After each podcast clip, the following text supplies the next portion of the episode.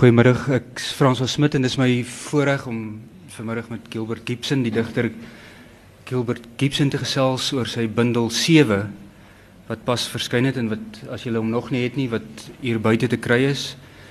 Ehm um, met die besonder treffende omslag. Ehm um, Gilbert, wil jy iets oor die omslag sê? Ehm um, is dit 'n wat se sleutels bied dit um, tot jou poesie? My seentjie sê die omslag lyk vir hom na 'n koei of of 'n wolf.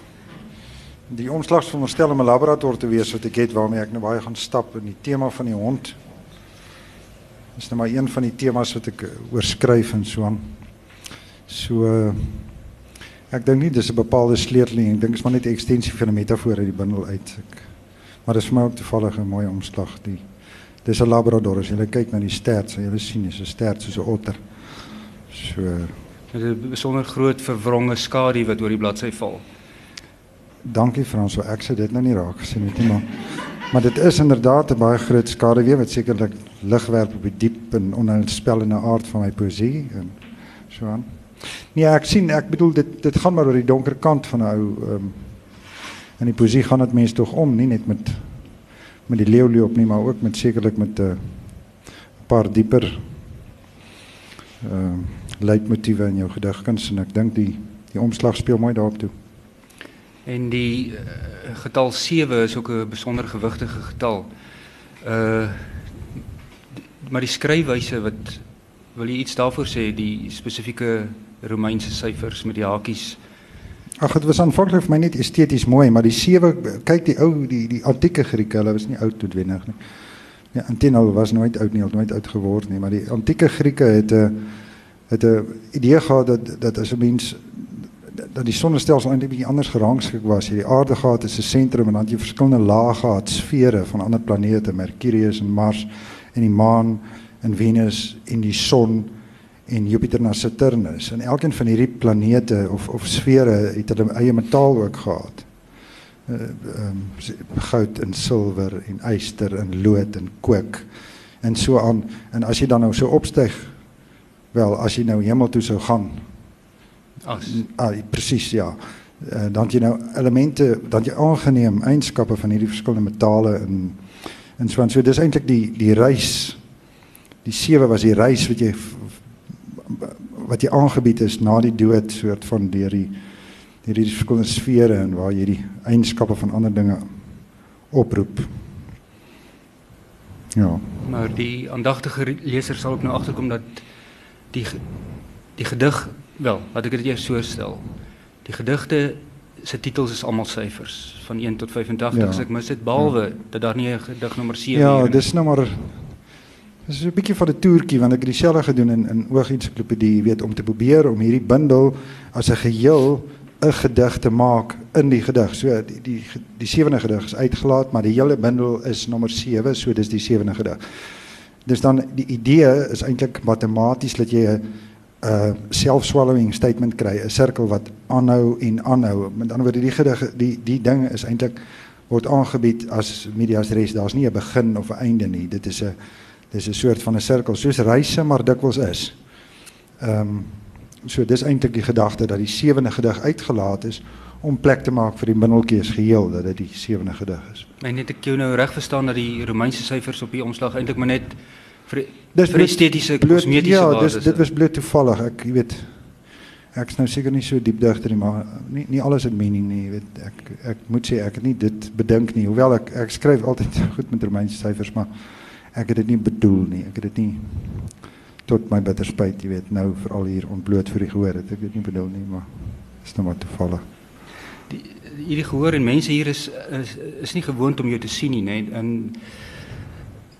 in verskillende opsigte staan jy eintlik bietjie buite die eh, poëtiese diskurs. Ons sien jou nie baie op verhoor nie.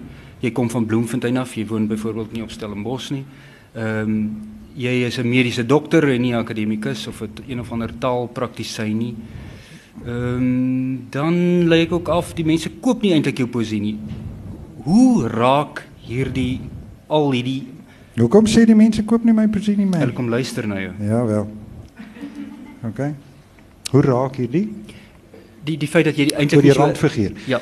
Ja, kyk dit het natuurlik bepaalde voordele dink ek. Ek uh, ek sou miskien daaroor by stil staan as my nie en, en, en dis goed want die ou is nie heeltyd jou uh, jou kans tot vernuwing is groot want jy is die hele tyd besig met jouself, maar daar's gevare in om 'n autodidak te wees. Daar's gevare in want jy loop dikwels 'n pad in wat wat jy nie 'n soort van 'n persepsie het of is hierdie pad die regte pad nie, maar dis net die eie ek wat jou laat ontwikkel en as jy 'n bietjie uh as jy nie in in die rente poëtiese diepte of literêre diepte het nie, dan sal hierdie pad noodwendig eindig. Die feit dat ek in 'n ander beroep staan, dat dit medisyne is, is uiteraard toevallig, maar dit is nou ehm um, dit dink ek is ook vir my 'n goeie ding want dit gee vir my 'n taal en 'n verwysing van uh, ander dinge waaruit ek goed sien uh, wat miskien ander mense nie sien nie wat direk met taal werk so ek gaan eintlik om as met met iets wat vir my onbekend is en dit lei natuurlik tot sekere dinge wat mense kan sien in my poesie daar's daar's daar's gebreke wat eintlik aanloklik word in sekere konstruksies en goed omdat ek nie weet eenvoudig van beter weet nie of omdat dit so te voorskyn tree by my wat mense soos jy my dan nou oop sal breek want jy is nou geleer maar ehm um, so jy weet ek meen dit dit is dit het bepaalde voordele dink ek. Die feit dat ek op Bloemfontein bly is geografies maar 'n slegte plek, is in die middel van die land, dis warm. En uh ek was ook 'n bietjie my kus want ek moes dan klaar swat so. Nou ja. Dink jy dis belangrik dat dat jy byvoorbeeld in in digtersgeselskap moet moet dikwels verkeer? Dit want, want dit is dit is deel van die Ja, ek ek moet sê ek het nie eintlik digterpelle nie. Ek ek het so wel, dis nie heeltemal waar nie. Ek sal met hulle praat oor die telefoon met vriende van my en so. Maar as afstandelike vriende, ek het vriende wat uh hou van vliegtye of van van van boer of van rugby of wat ook al wat ook maar toevallig is. Dit maak jou nie, jy weet enige iets nie en predikantsvriende en dit en dat. So ek weet hoe belangrik is om met digters te praat. Ek dink dit sou belangrik wees as jy kon, maar jy kan nie in Bloemfontein regtig met 'n digter praat nie, jy weet jy soos 'n digters in selfs op Stellenbosch word jy 'n bietjie snaaks gesien want jy weet um, dis maar 'n klein wêreld en 'n klein um, kuns. En dit wat jy predik is soos 'n soos 'n dominee eintlik, dis so 'n ou storieetjie wat ek al gehad het, 'n dominee in 'n ateïstiese land. Hulle dink daar's iets aantreklik en onvoorspelbaar aan hom, maar hy het nie eintlik inherente sosiale waarde nie. So dis min of meer soos 'n digter is. Ek dink op Stellenbosch miskien minder so, maar in Bloemfontein sekerlik baie so. Maar hoe het jy dan 'n digter geword?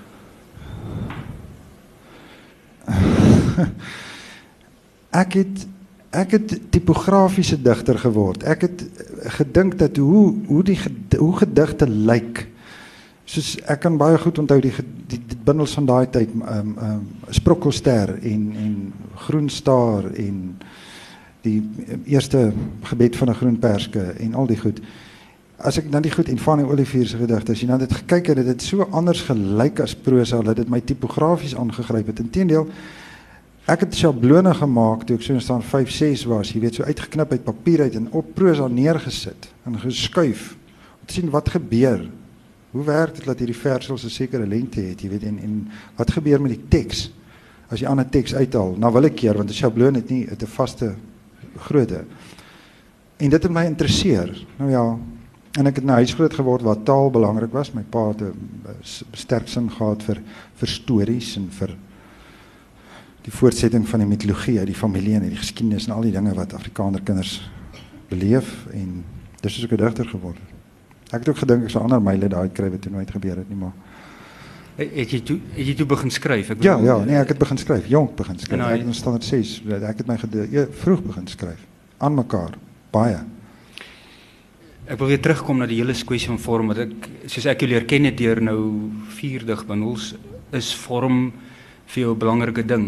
Ehm um, maar wat ek jou eers wil vra is het jy uit die staanspoor hierdie stem gehad wat nou so kenmerkend Gilbert Gibson se stem is. Het jy die sta staanspoor so geskryf of het jy mettertyd Nee, ek dink ek het ek het taamlik uit die staanspoor so geskryf, maar jy sien tipies van 'n digter in my situasie wat jy nou ter sluiks na verwys het, jy weet so 'n bietjie in die penumbra van van dinge. Ehm um, uh moet mense onthou dat een van die van die van die oefeninge van meer skryf is om te vernuwe.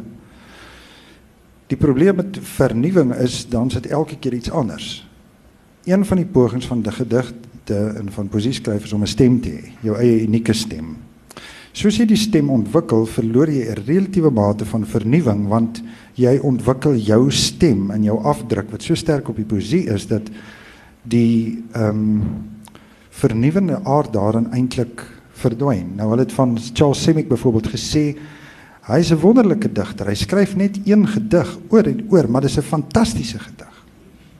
So ek ek ek ek weet nie of ek van die begin ek dink ek het van die begin af so geskryf. Ek het ek het half dislekties met die met die met die taal omgegaan in in in die in die sin van dat die, die strukture gebou word wat nie so gebou moet wees nie. Ek het nou na die tyd weer gekyk. Daar's goed wat gebeur wat nie so behoort te wees nie.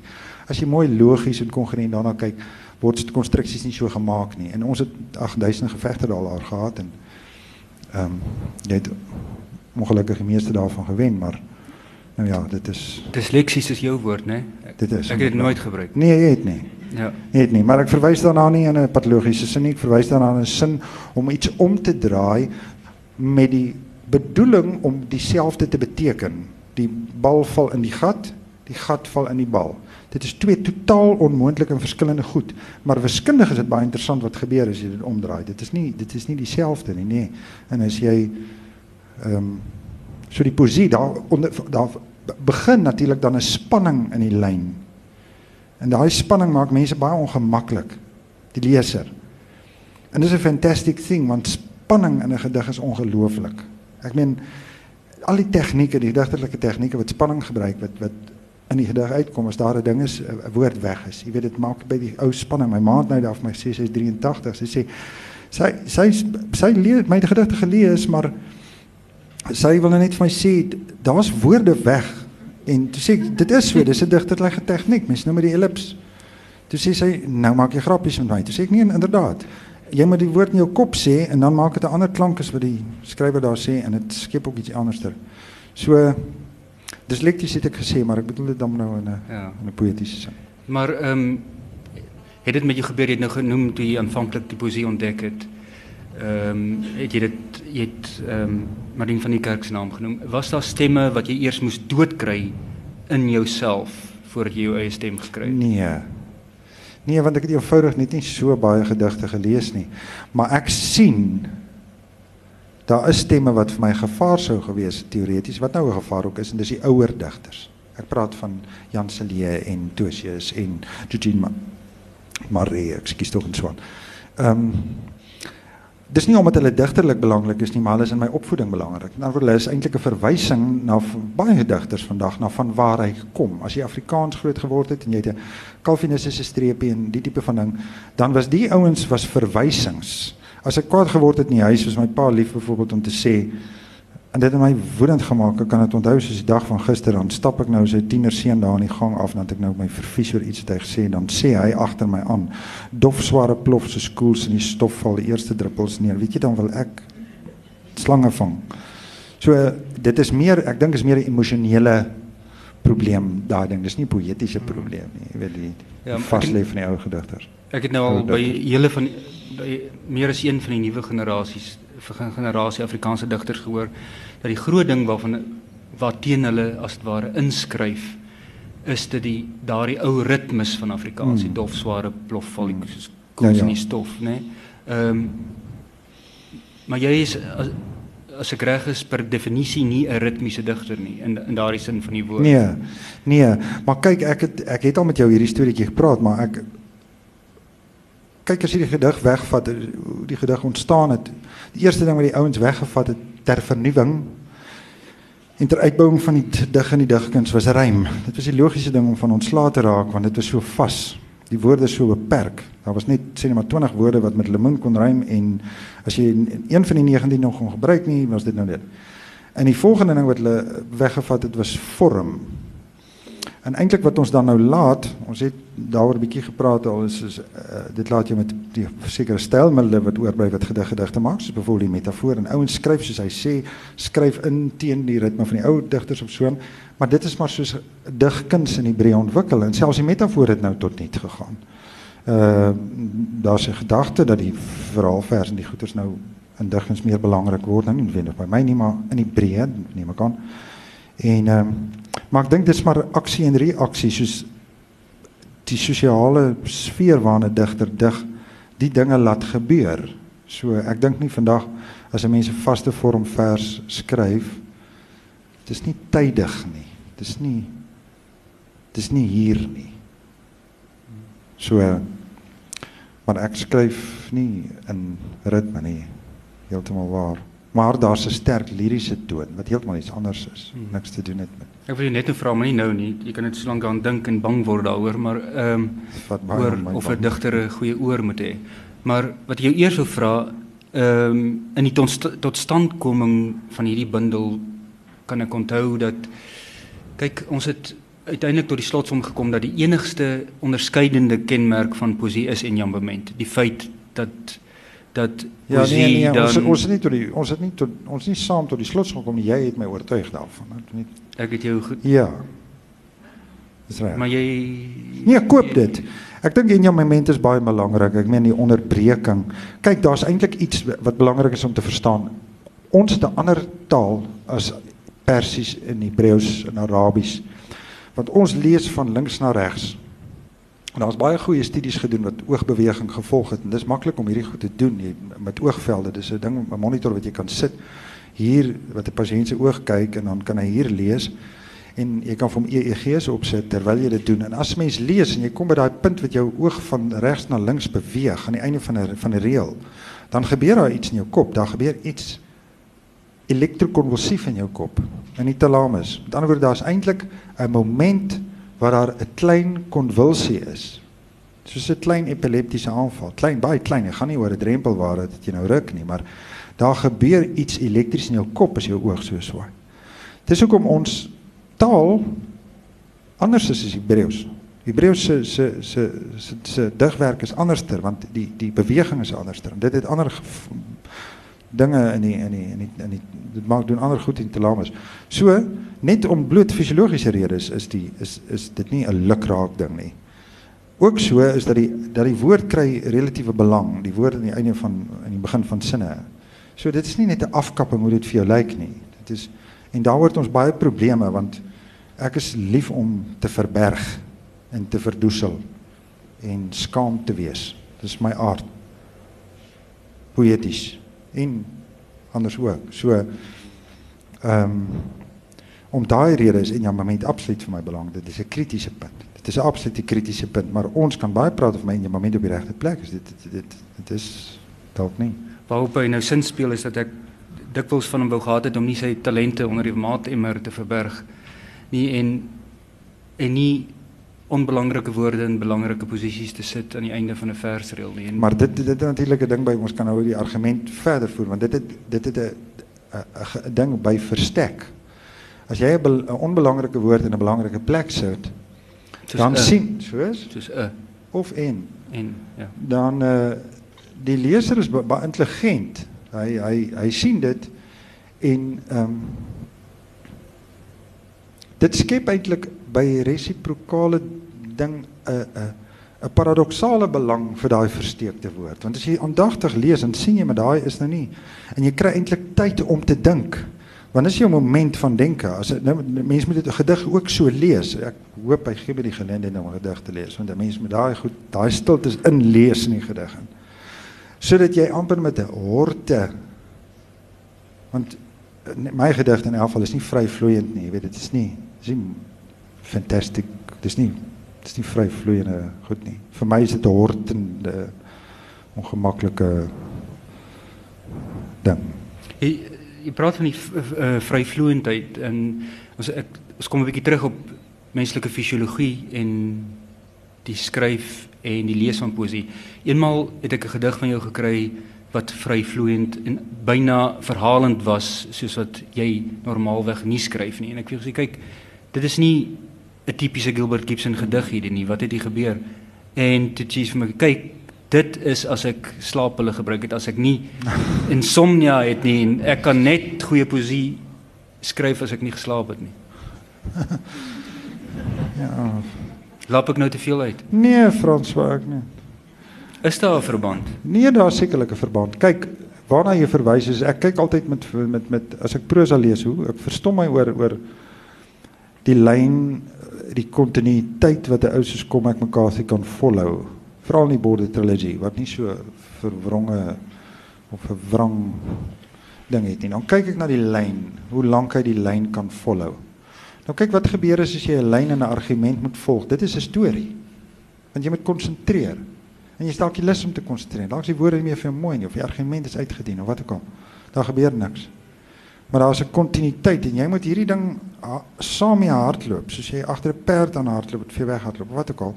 Jy moet hom vang of 'n kind wat vir jou weghardloop op die straat, jy moet hom vang. En en en hy beweeg en jy moet aanhou kom want uh en dis die vryvloeiende gedig. Die vryvloeiende gedig maak dat jy moet moet aangaan en aangaan en aangaan. Maar uh, ek dink dat die meeste van dit is fisiologies so dat jy weet bietjie wat jy nou verwys is 'n ou ongerem is. Kyk, as jy 'n bietjie te veel slaap hulle gedink het ek ek meen ek sien mos nou hierdie mense of te verdrank gedink het wat ook al is jou brieke af. Jy sê mos net wat jy dink. Kom ons by die rugby hoor. Hey, jy dit en dit.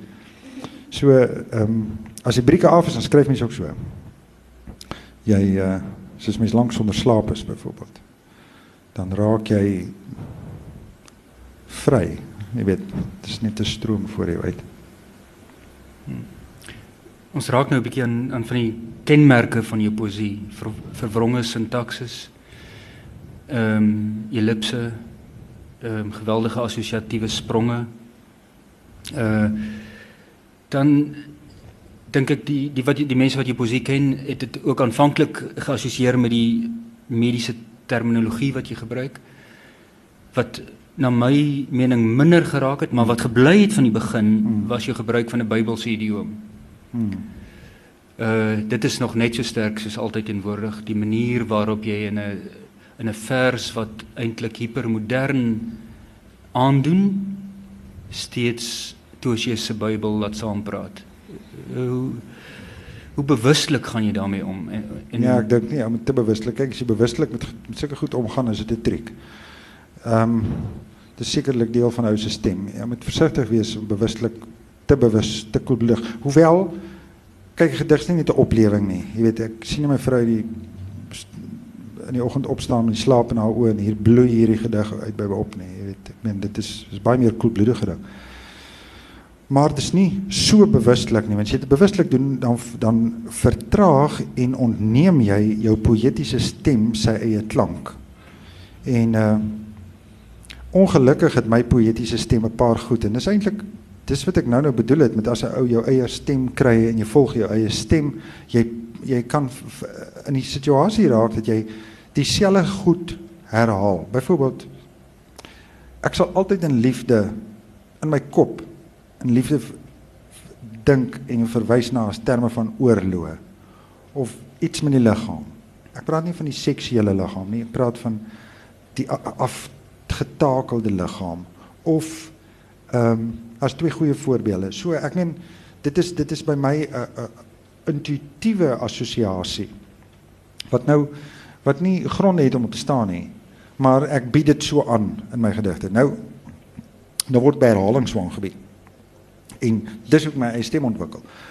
So ek ek ek is nie bewus van Tosius op my skouer die hele dag. Ek vat net Tosius of wie ook al of die Bybel op my hele eh, skouer nie. Maar dis 'n 'n teks wat ek het in my grein. Dis bloot net hoe groot gemaak is. Ek meen ek hou van die Vryheidsraad van Cinema en want ek is so groot gemaak. Dit is jou grein. En mense miskien dikwels hulle grein. Ek dink hulle probeer vlug of onderdruk of wat ook al. Maar dit is moeilik om ek dink ou moet half eerlik wees wat jy is. Jy weet, ou nie jok nie. Jy jy is maar wat jy is en en um, as ek Tosius agterlaat en ek ag jy vergeet nou hierdie simpel metafoor van die Vrystaatse werkmispan of ek laat nou ander goede agter dan ehm um, sal ek nie die waarheid vertel oor en van myself nie. Ek sal myself aanbied as iemand anderster. Dit is nou nie ek nie. So ja. Hmm. Ehm um, Kom ons uh, lees een van jou gedigte 'n bietjie dan eh, sien klink oor ons het klink soos byvoorbeeld wat heel eerste ene. Die openingsgedig. My vrou is nou baie gespanne want ek het vir haar gesê is Frans of my vrou om 'n gedig te lees, dan gaan ek so begin, maar ek gaan dit nou nie doen nie want ek's nou te gespanne, maar sy ek gaan 'n ander gedig opsê, iemand anders se gedig. En dan gaan ek kyk of hy nou bang word daarvan. In elk geval die eerste gedig gaan so. Kyk of ek gaan agterkom. Ja, byvoorbeeld, o dieper rivier, o donker stroom. Nou kyk ons, wat doen jy? Ek het 'n hond, hy stap deur die oop veld naby my. Huis styf teen my been, neus gefestig op die vreemde reuke ver of woes geleë. Soos die son bo oor bome vou hy sy vlerke vir my oop. Skemer tot lig gevalk. En ek laat vir hom 'n dun fluit dat ons omdraai om onder wolke te vertoef en bly hoop ons gaan stap eendag. Deur 'n digte staaning doringbome waar 'n rand ten minste voor 'n rand waar die swem van ribbokke in die skaduwee lê. Plek plek omliggende gras nog vars gedou en nat voor die snoet. En voor ons medoonloos 'n kiewit sal vlug sy voete verwild sy oë rooi kring kookbottelbodems in die opkomende Nou kom dit jy nou kookbottelbodems daar ingedruk. Ja, dis mos nou die lig wat nou so gereflekteer word. Dit vergroot, dis 'n vergrootglas, dis 'n primitiewe vergrootglas hierdie kiewit met die ringetjie so. Sy oë is groot van vrees. Hmm. En ek en die hond is op pad. En die hond is ehm um, die man en die hond is ja. paar plekke op pad in die Dis heeltemal reg. Want hy ja, die hond is deel van die klein wêreld. Dis maar ek en die hond en ek en die kind en ek en die vrou en ek en die pa en ek die land was klein. Dit is nie groot nie. Nee, dit raak groot as jy en God ten slotte ook. Ja, nou nie so harmonieus saamstap nie, maar tog. Ja. Maar dis mos maar die reis. Mhm. Mm jy het dit al bestempel as 'n as 'n bundel van enorme verlies. En ek wil dit nie self herhaal wat jy in die terme van die goddelike terme waarin jy dit beskryf het nie. Kan jy dit Ja, kyk, ou kan verlies aanbied as as as wat jy verloor het. Uh as die hond dood gaan sê net maar ek het 'n ou hond en as die hond dood gaan is dit 'n verlies, die hond is dood. As die ehm um, maar verlies is ook 'n handeling of 'n mededeling of 'n ekstra ding buite die verlies self. Nie die objek van die verlies nie, maar die aksie van verlies. Dit interesseer my. Want ek het ek het gesien in my werk hoe ouer ek word, hoe generies verlies verlies is. Dit is verstommend. Ek meen hoe mense doodgaan en hulle kinders of hulle ouers die smarte sien en hoe mense siek word en hoe mense om jou sê maar bankrot speel of wat ook al mag gebeur maar hulle deurentyd blootgestel word aan ewigdurende verliese en ehm um, dit het my geïnteresseer daardie proses van die verlies en ek dink dat die grootste verlies natuurlik is die verlies van die eksterne waarheid. So hy dit nou hy raak dit nou aan.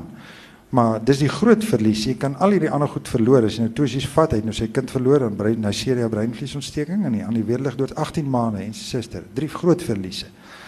Uh dit is 'n tema in Afrikaans. Kom ons vat nou tosies as 'n voorbeeld. En hierdie ou het absoluut vasgehou want hy was baie gelowige mens. So tosies kon dink ons die verliese te bowe kom, sê 'n mens, van wie sy vaste geloof aan 'n eksterne waarheid. Nou as daai eksterne waarheid 'n bietjie afgebreek word, dan is jou verwysing en jou ruimtelike oriëntasie in terme van verlies 'n groot probleem. Dis hoekom ouens ander mense probeer troos in terme van verlies deur te sê, "Toe maar die Here sal jou help." Sien nou maar. Maar op daai oomblik is daai mense natuurlik net so alleen. Hy kan dit net herhaal, maar eh, die Here help hom waarskynlik of waarskynlik nie. Ek is nie seker daaroor so duidelik nie, maar so die die handeling van verlies is vir my is vir my er, jy weet 'n tema en en dan wat gebeur as jy die die die die hierdie raamwerk waarin jy verlies definieer wegvat. As verlies postmodernisties word, sê as hy oor as hy alles as in hierdie reis wat jy deur hierdie sfere gaan as jy by niks gaan uitkom nie. En dit gaan 'n geweldige probleem wees. Maar eh, Gilbert is die poesie nie per definisie dan 'n verlies van betekenis. Selfs die die manier waarop jy die staanspoor gedig het met jou lipse met daai woord wat jy verwag wat die betekenis sal sluit. Jy gee nooit daai woord nie. Dit is net betekenis ja, ons wat is op wag. Hmm. Ons is op wag. Ons is poëties ook op wag. Maar dit is die dit Ons is is een- op wag op die wat is daai titel van daai boek van Argamen of daai uh, Italianer ten minste uh, The Loss of The End of Poetics, by End of uh, ja, in elk geval. So ons is ons is eintlik ons is op wag. Poëties op wag en natuurlik in die lewe ook op wag. Mense wag op die dat iets wonderliks gaan gebeur, die lotto, jy weet, wag dit mense wat sieklik is om jou dood gaan, wag dat daar beter weer sal wees of wat ook al. Mense is poëties ook op wag. En dit is eintlik dis eintlik 'n klein filosofiese puntjie dat ek ek ag ek 'n interessante familie binne in my familie is daar mense wat wat nogal half as jy met hulle gesê het dan dan dan hulle antwoord. Jy weet 'n probleem. Enige probleem. Kan toe gestamp het, dubbeltjie in die voet, sterfte, enige ding. Hulle het antwoord vir enige gegeewe probleem. Maar dit maak my bang. Dit maak my dit is vir my skrikwekkend iemand wat 'n antwoord het. Want ek weet antwoorde tegen amper amper niks. Tegen amper niks. So ehm um, jy wag, jy wag eintlik en dit is ag om nou 'n Bybelse metafoor te sê, dit is wat Paulus sekerlik bedoel het. Ou wag, jy weet jy die geloof se blinde sprong. Dit is nie dit is nie 'n niemand kom by die eksterne waarheid God, Boeddha, wat ook al uit op aarde nie. Dit is dit is 'n reis, dit is 'n afwagting, dit is iets wat waardeur jy gaan en dis poëties ook so. Ek dink jy wag, jy wag vir die ontsluiting en die ontknoping en dit gebeur nie. dis al wat daar is is die wag. Dit is is al. waar die ekstase van poesie in lê, is daai Dis reg. Want daar's nooit 'n ontknoping nie. ja. Ja. En as daar 'n oop ontknoping is, is dit tydelik en ten dele. Moet 'n digter dan 'n goeie oor hê? Laat ons nou terugkom daarby. Moet 'n musikale oor. musikale oor. Ja, hy moet 'n goeie musikale oor hê. Hy moet kan hoor. Want 'n mens lees gedigte. Kyk, prosa is mens nie bewus van die handeling van lees nie. Jy lees die storie en die storie speel af in jou kop. Maar die storie is buite die in prosa. Dis die onderskeidende kenmerk. Die prosa, die stories op straat of in die bed of waar ook al. In poesie is die storie hier, binne in die gedig. En jy lees dit ook anders ter as jy lees is dit nie die storie wat in jou kop is nie. Dit is die woorde en jou klank van jou eie stem. As ek hierdie goed stil lees, dan hoor ek my eie stem. So mense lees dit anderster. En ek dink dis belangrik. Die die die musikaliteit is jy moet hoor ehm um, hoe die woorde klink. Ek ek dink dit is absoluut belangrik om hoor. Ek weet nie ek noodwendig, maar ek dink dit tref my as 'n ironie dat ek no, nog nooit aan jou gedink het as 'n musikale of 'n liriese digter nie. Kyk, jy kan dit jy kan dit ook doen. Ehm um, omdat Jy's ek's musikaal, ek kan ek weet ek weet ek weet ek, ek, dit is die sê- volgende vraag. Ja, Dat, nee, ek dat kan- hoe rym jy hierdie goeters as ons nou moet rym? Ehm um, want ek weet jy het 'n jy het 'n baie soliede die. Die, die die ding met die met die ehm um, met die musikaliteit, ek verwys nie na musikaliteit in terme van die eienskappe van musikaliteit nie. Dan word dit ritme, melodie, harmonie. Dis nie die punt nie. Daar's iets anders wat musikaal is in in gedigte wat te doen het met wat amper gebeur. Wat amper gebeur. Ons het 'n- ek het 'n interessante belewenis gehad toe klein was toe ehm uh, um, ry ons in die bakkie dorp toe. Ons speel daar 'n liedjie op die radio. Toe staan 'n klein dogtertjie wat langs die pad staan, sê net maar so 2 km voor ons. Die radio speel sag en 'n slegte ontvangs. Toe dans die dogtertjies, hulle begin net. Weet hulle het mos 'n manier van dans, 'n bewegingkie met die voete op die gryspad en so op die skouer van die pad. Toe dans hulle in ritme. Sê ek vir my pa maar kyk kyk haar so. sien hy dit? Sê ja, is altyd so. Hy is oortuig van is altyd so.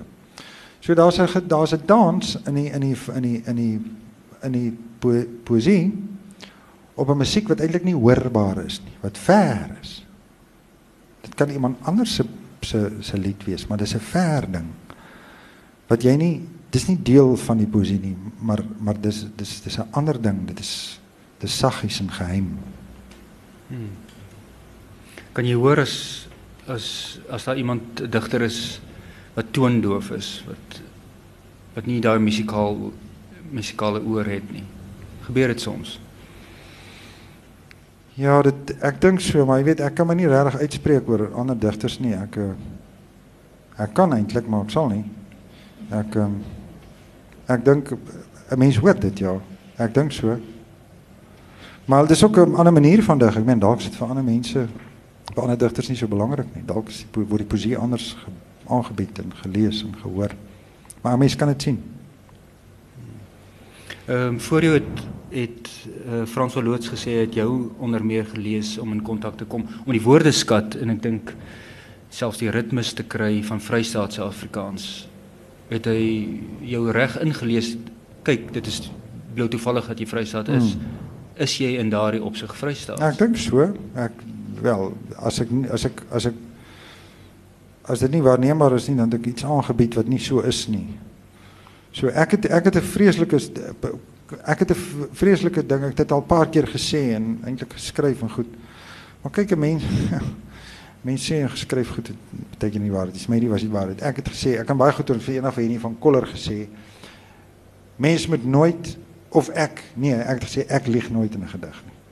Toe sê my jy praat ons, dit is die enigste plek waar jy regtig lieg. Toe sê ek vir hom, ons het 'n geweldige diskurs daaroor gehad. Toe sê nee, maar dit toe sê jy jy kan jy lieg absoluut. En ek het na die tyd besef hy's absoluut reg ja. Maar ek lieg die waarheid. Met ander woorde ehm um, ek bied aan so goed soos ek dink dit is. As die liefde defined is in in my wêreld in terme van oordeel en liggaamsdele en siekte en afbraak en godsdienst word aangebied as as terme van afwesigheid of wat ook al is dit so na aan my waarheid soos kan wees wat nie noodwendig die waarheid is nie maar dit is vir my die waarheid op daai oomblik. So die vrystel se stem is dieselfde ek is maar wat weet ek nou ek bly in Bloemfontein ek praat soos ek praat. So ek lees nou die dag ehm um, dat die digter sê die die moeilikste ding vir 'n digter en dit sluit aan by dink ek baie goed aan by wat jy nou gesê het. Die moeilikste ding vir 'n digter is om sy werklike gevoelens um, te skei van sy poëtiese poëtiese gevoelens. Stem jy saam daarmee? Sy werklike gevoelens van sy poëtiese gevoelens. Ja, ek bedink dit nou natuurlik so koelbloedig nie. Maar dis baie interessant, daar sekerre gedigte, jong, dit is 'n gewellige impak wat 'n gedig op 'n ou maak as jy hom lees en as jy hom skryf.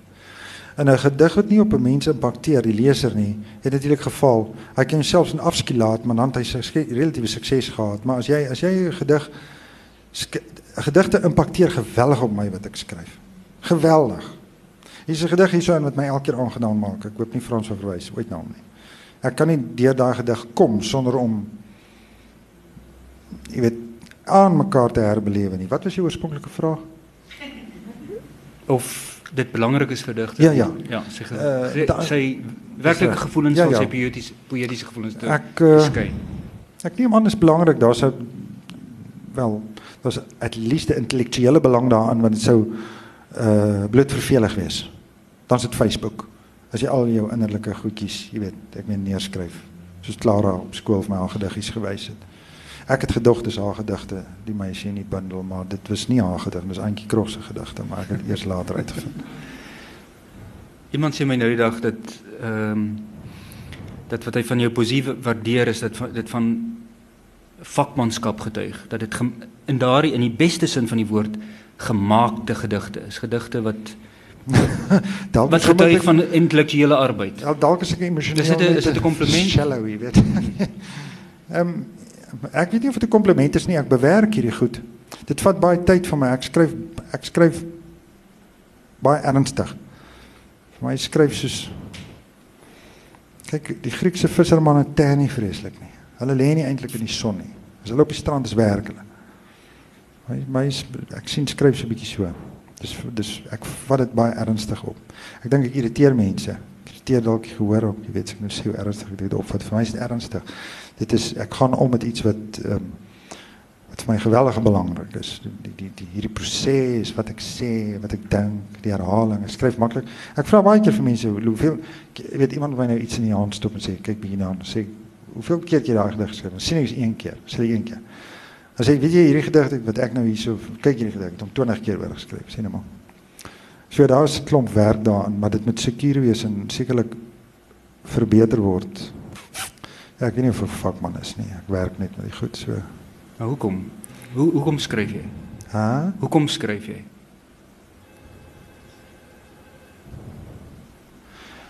Want dit is vir my mooi. Ek meen, my ek hou van my gedigte.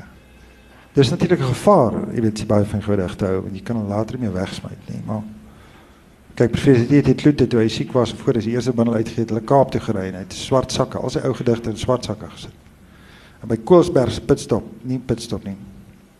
Daar was so ehm um, by die onderkant die Merino Inn was daar so 'n uh, 'n volstasie en by daai volstasie se uh Asblik het hy die eerste swart sak weggegooi en die tweede swart sak hier by Lensburg of ding. Dis al sy gedigte weg. Dit getuig van geweldige innerlike krag en oortuiging. Ek het dit nie. Ek is lief vir my gedigte. Hoekom skryf ek om hierdie wat vir my mooi is te kan sien? Ehm want ek sê ook iets. Maar ek sê baie keer dit vir myself, maar ek sê dit vir iemand. Daai mense sien dit dikwels nie. My dooie pa byvoorbeeld sien dit nie of my kind is te klein om dit te sien of my ma sy sukkel my woorde. François, jy sê sukkel om my gedigte te verstaan, jy weet. So ek uh, Maar dis ook vir my mooi. Baie dankie François. En ja, ek dink dit gee ons nog 'n paar minute vir vrae en as daar nie vrae is nie, gaan jy nog gedig lees. Ehm um, maar uh, is daar nog enige vrae? Nee, nee, nee, ons kan al twee doen. Ja, seker.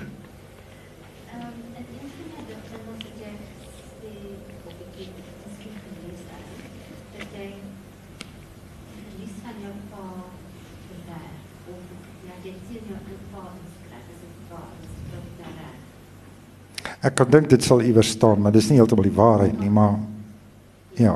Is daar iets waar waar jy teen inskryf? O.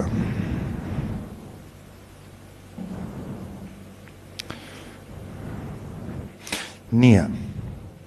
As dit so lyk is dit toevallig wat ek sou poog is om teen niks in te skryf nie.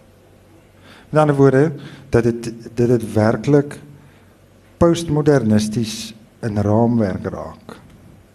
Maar ek weet nie of ek nou daarin slaag enigstens nie, se aanmatigende uh um 'n ambisieuse stelling, so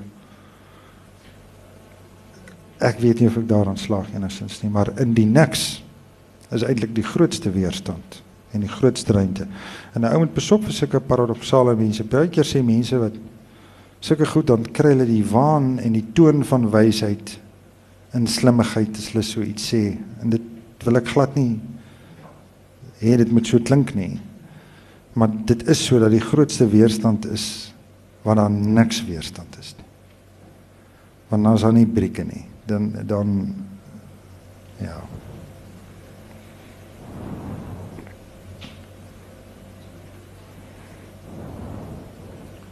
Nog vrae? Gaan jy nog in lees? Ja skus wat moet ek vir jou lees Frans Moet ek kies of jy? nee jy moet maar kies Nee, nog nie. hoekom lees jy nie laat ons kan hoor hoe dit nie gelees word Moet ek nog daardie werk ook vir jou doen? Ek het hom sê maar net lees die laaste ene. Ons het nou die eerste ene gelees en die laaste ene. Dit is half om die einde te verklap. Nee nee nee nee. Ek wil twee gedigte lees. Ah. Jy jy okay. gaan die punt mis as ons dit nie so doen nie. Ehm um, Ons is eintlik baie goed bevriend daarom hierdie terloopse grappetjies hierso. Dis nie omdat ek regtig ag simpel is.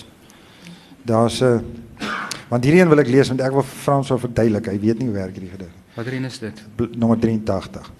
Ek wil jou huis omhels, maar daar's nie mure nie. Jou stoep is bloot gestel aan onheilige hande en die heining 'n duinende reeks van skandes wat ten spyte van ander voorneme lei tot groter verlies. Jou huis is 'n eksperiment waar gedagtes nog vry die lyf se begeerte kan koester, waar hierdie bloedige lippe van jou oor glimwit tande die laaste woord inkry. Dit laat jou vensters soos jare voel, waaroor die wind se lied met die sluimerige spoed van voete in sirkels loop. En soos signale maar is, probeer geete my stil te maak met verduidelikings. Duidelik kan jy die uil jou naam hoor roep. Duidelik kan jy die klop aan die deure voel. Ek het eintlik nou toe François hierdie hy het nou gesien dit hy het nie ges, iets gesê dis Margaret Craven se novel en dit is Macbeth nê. Nee? Die eind goed daar El call my name en Macbeth het gesê can feel the knock on the door. En hier is die laaste gedig. Um,